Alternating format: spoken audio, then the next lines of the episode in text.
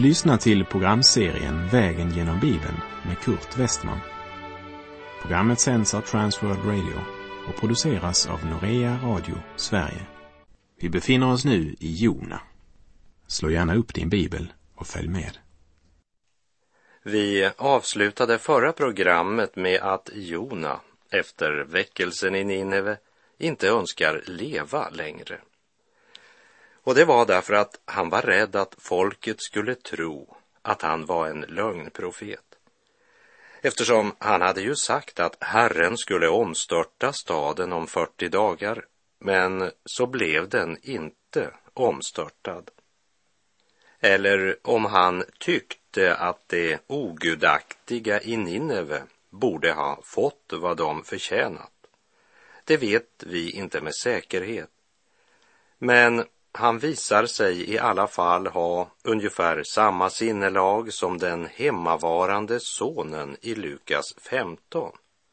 Han som inte kunde dela faderns glädje över dem som återvänt till fadershuset. Ta nu mitt liv, Herre, för jag vill hellre vara död än leva, säger profeten Jona. Och Gud frågar Jona i Jona 4, vers 4. Har du då rätt att bli arg? Här går mina tankar till Jesu liknelse om arbetarna i vingården i Matteus kapitel 20. Där Herren frågar en av dem som tyckte att det var fel, att de som bara hade arbetat några timmar fick lika mycket som de som arbetat hela dagen. Då ställer Herren följande fråga till tjänaren, Matteus 20, vers 15. Får jag inte göra som jag vill med det som är mitt? Eller ser du med onda ögon på att jag är så god? Och det är som om Herren frågade Jona. Har du rätt att bli arg på mig därför att jag är så god? Känner du ingen glädje över att hela denna enorma stad har räddats och att människorna där på allvar söker Gud? Jona, om jag inte hade förbarmat mig över dig när du ropade till mig i din nöd, så hade du inte varit vid liv. Av nåd hörde jag ditt rop och gav dig livet tillbaka. Och då du stod trygg på stranden så proklamerade du med tacksägelse vill jag offra åt dig. Frälsningen är hos Herren. Men när jag visar samma godhet mot dessa hedningar, då sjunger du inte frälsningen är hos Herren utan då blir du arg. Förstår du inte vad du själv säger? Frälsningen är hos Herren. Och nu har folket i Nineve vänt sig till mig och jag har frälst dem undan den dom som vilade över staden och folket. De har fått göra samma erfarenhet som du. Minns du inte Jona? Att jag gav dig en kallelse. Men det medel jag välsignat dig med använde du till att köpa en biljett för att resa i motsatt riktning av vad jag bad dig. Och det höll på att bli din undergång. Men medan din själ tynade bort i dig tänkte du på Herren och jag hörde din bön. Du skulle egentligen ha varit död.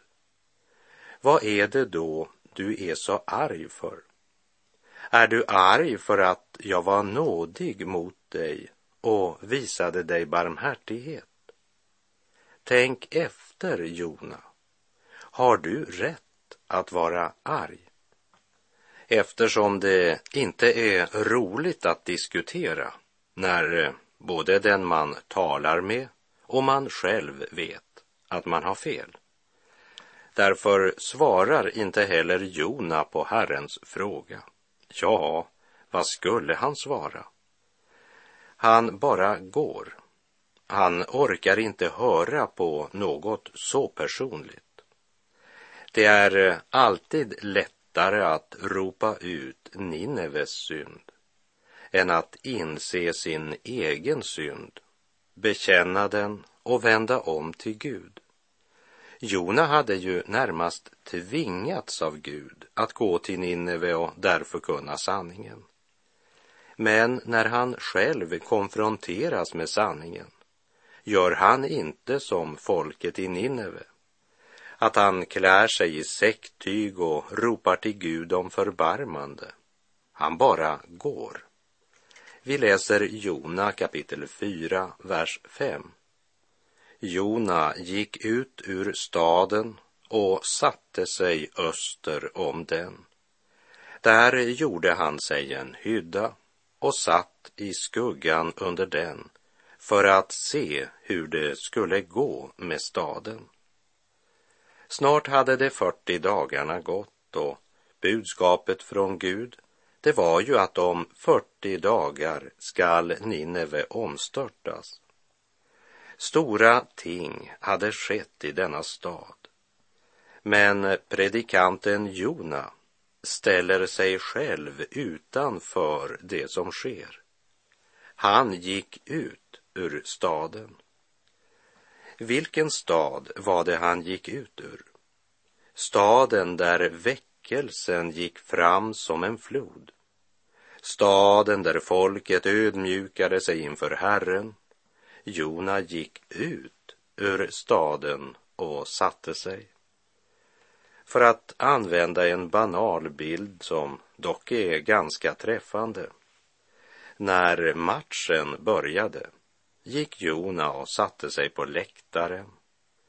En av nyckelpersonerna sätter sig på åskådarplats du vet hur det är med en fotbollsmatch, eller hur?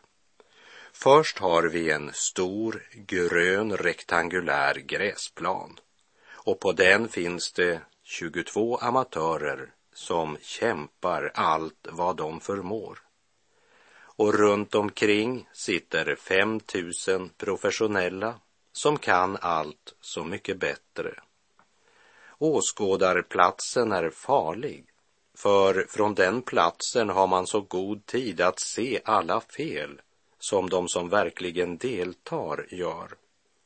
Och så är det ju alltid lättare att skrika om hur andra borde göra än att själv försöka göra det. Åskådarplatsen är en av de farligaste platserna i Guds rike, brukar broder Andreas säga. Och det har han rätt i. Jona sitter inte på avbytarbänken placerad av lagledaren. Nej, han sitter på åskådarplats därför att han själv har valt den platsen. Jona gick ut ur staden och satte sig öster om den. Där gjorde han sig en hydda och satt i skuggan under den för att se hur det skulle gå med staden.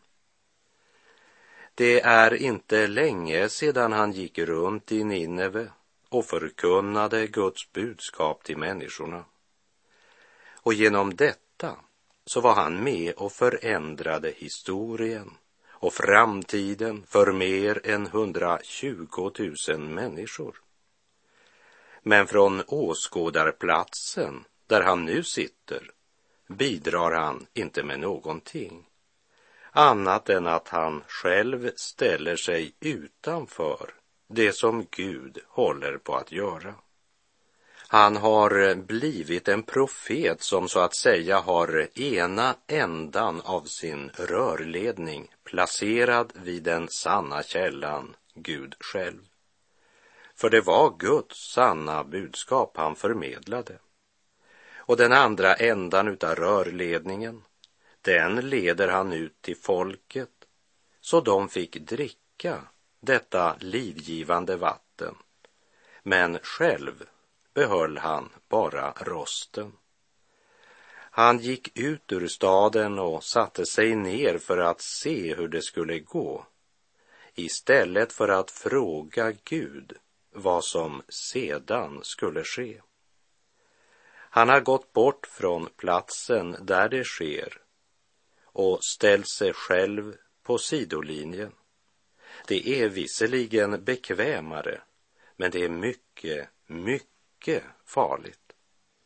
Jona älskade inte Nineves folk. Liksom den hemmavarande sonen inte älskade varken sin broder som återvänt eller sin fader som han så plikttroget tjänat. Man kan vara pliktuppfyllande och ändå sitta på åskådarplats. Därför att det djupast sett är vårt hjärta det handlar om.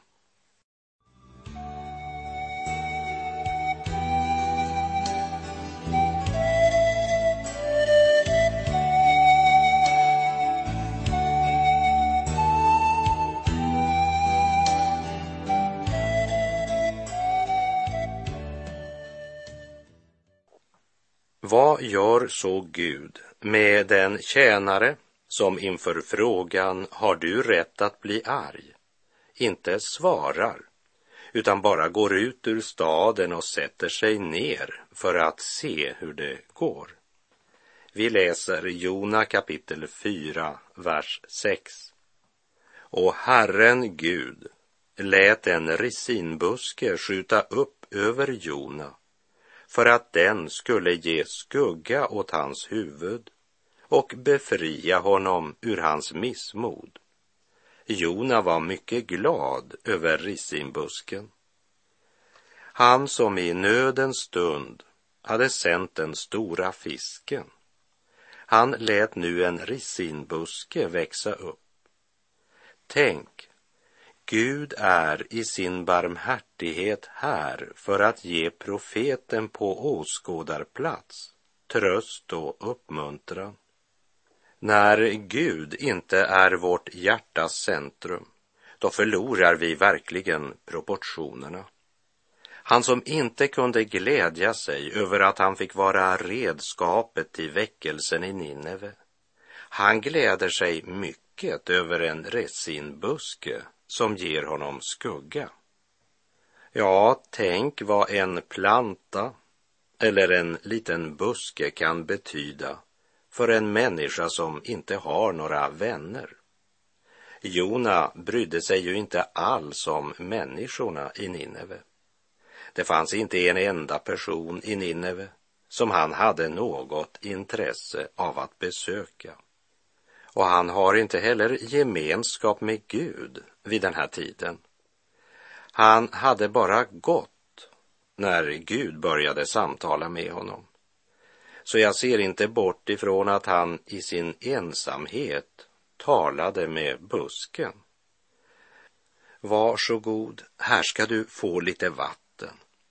Du växer otroligt bra. Jag ska nog vattna dig. Se till att du får allt vad du behöver.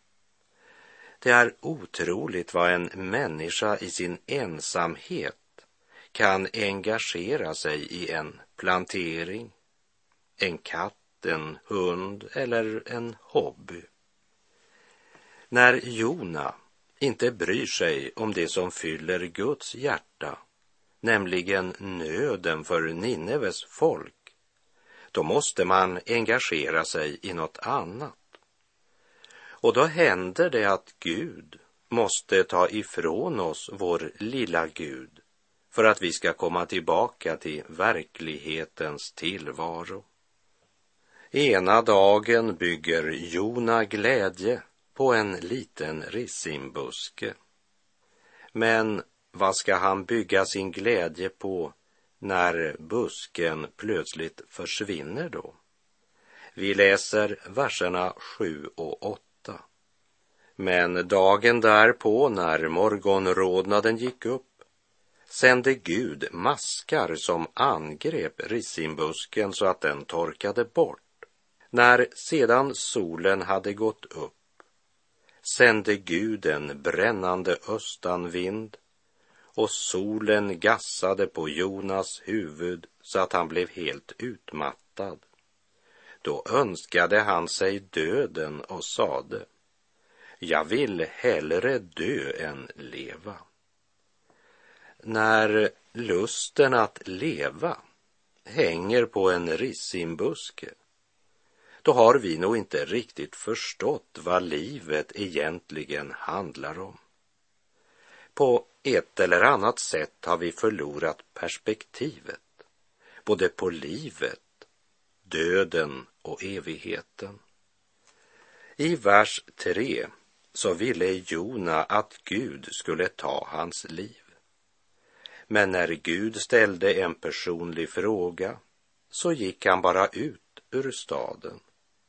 Och där fann han en mening i att engagera sig i en resinbuske.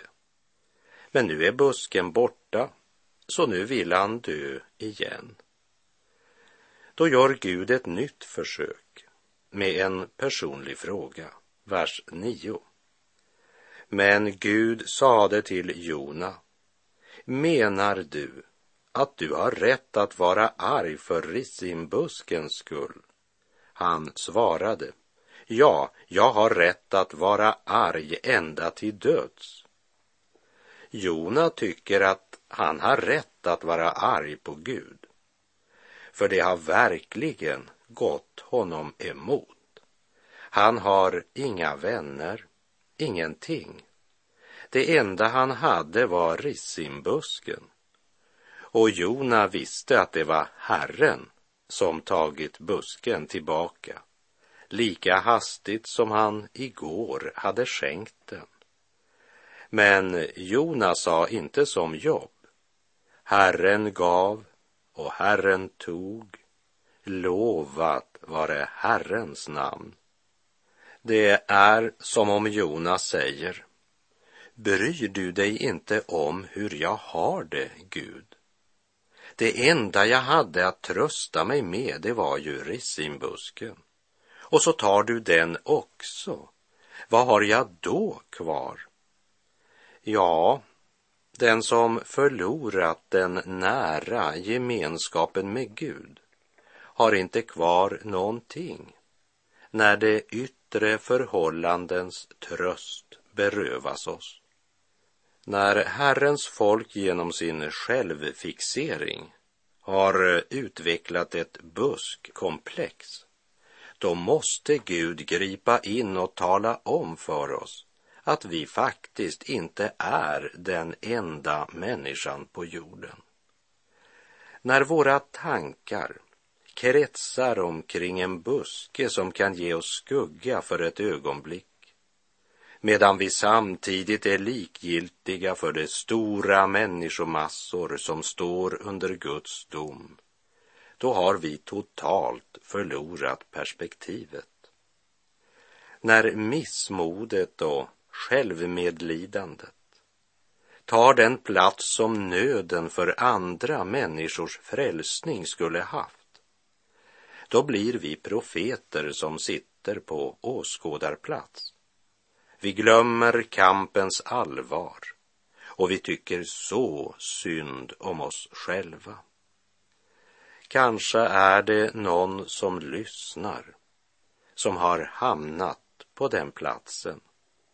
Kanske Jona bok har något att säga dig.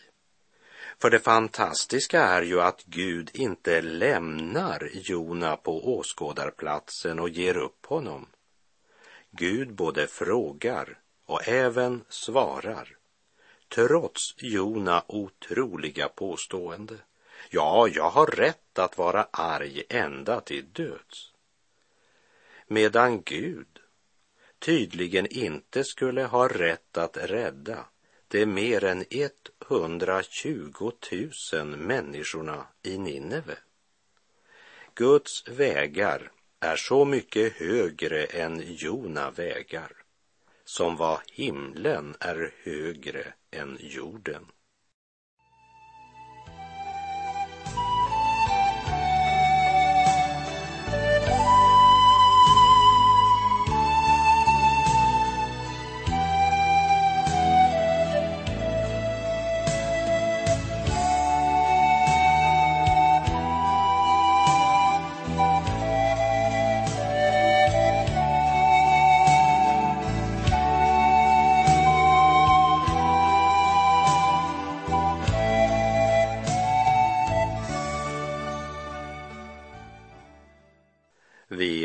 Läser Jona kapitel 4, vers 10 och 11.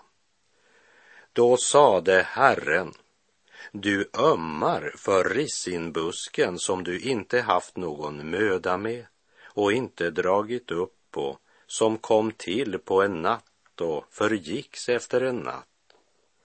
Och jag skulle inte ömma för Nineve, den stora staden, där det finns mer än 120 000 människor som inte kan skilja mellan höger och vänster och dessutom en mängd djur.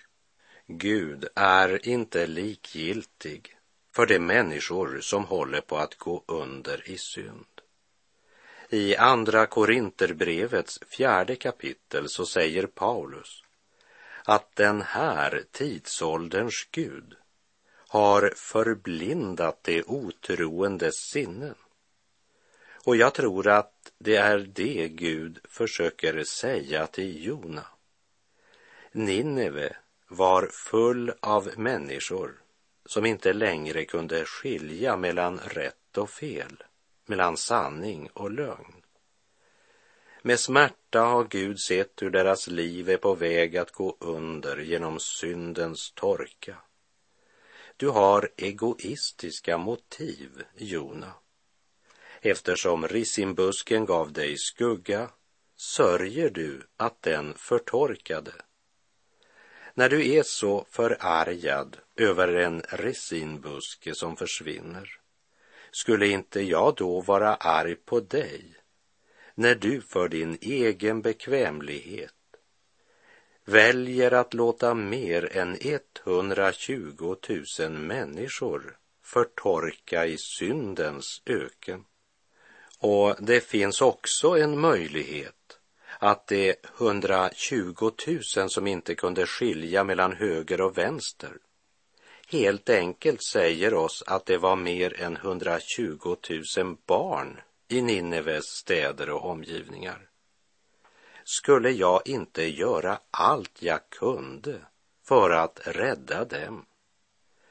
Du hade tänkt resa till Tarsis medan Nineve drabbas av Guds dom. Du struntade i skaror av människor som är på väg mot död och grav, utan Gud och utan hopp i denna värld.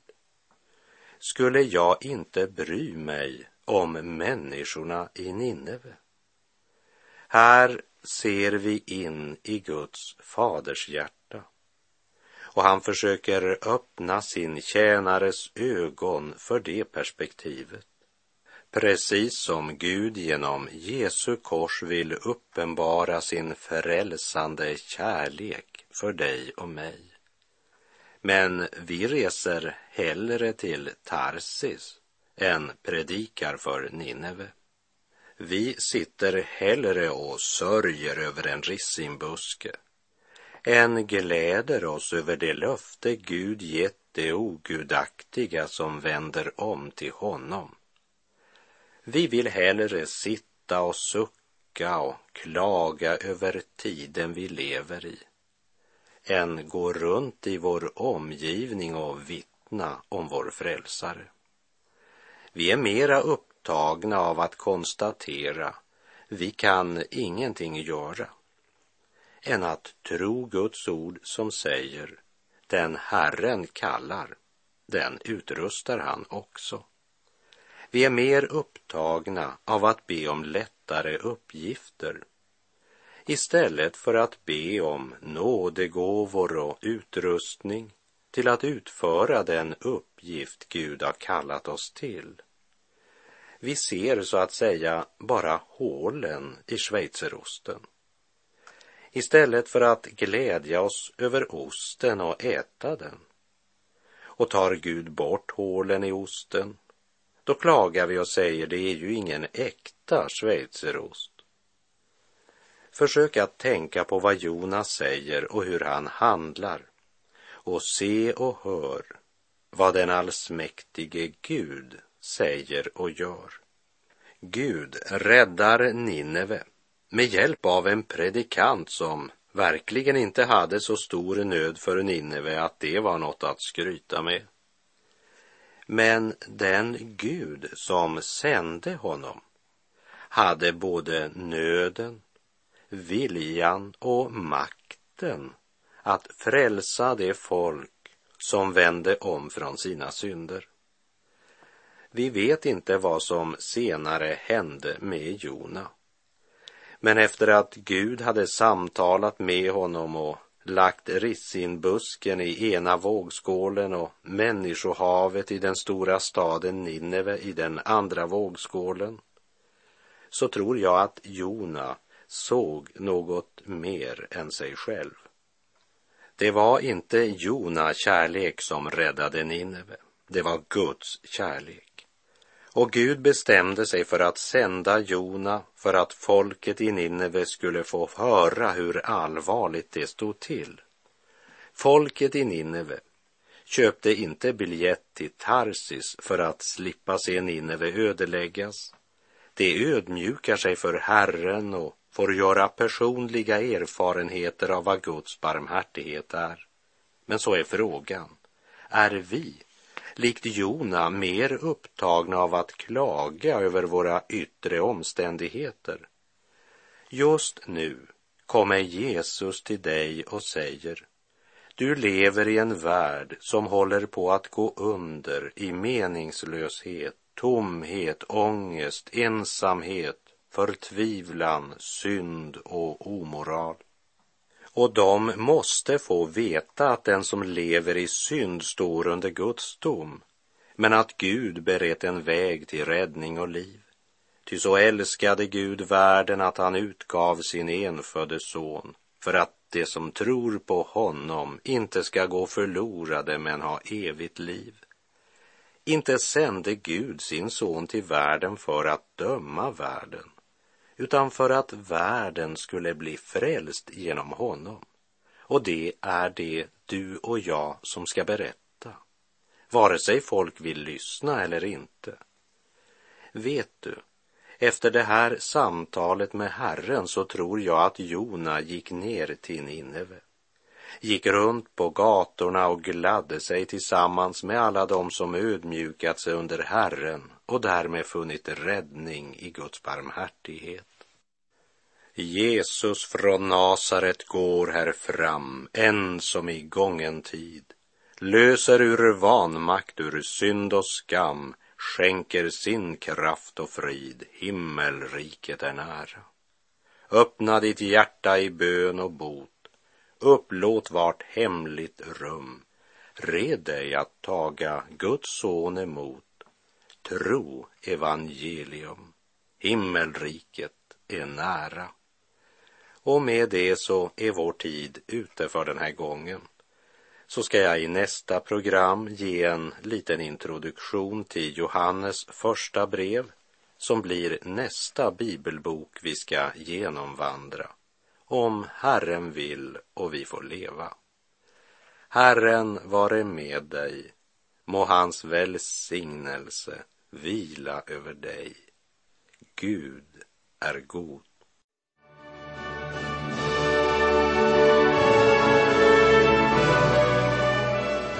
Du har lyssnat till programserien Vägen genom Bibeln med Kurt Westman som sänds av Transworld Radio. Programserien är producerad av Norea Radio Sverige. Om du önskar mer information om vårt radiomissionsarbete så skriv till Norea Radio Sverige, box 3419 103 68, Stockholm.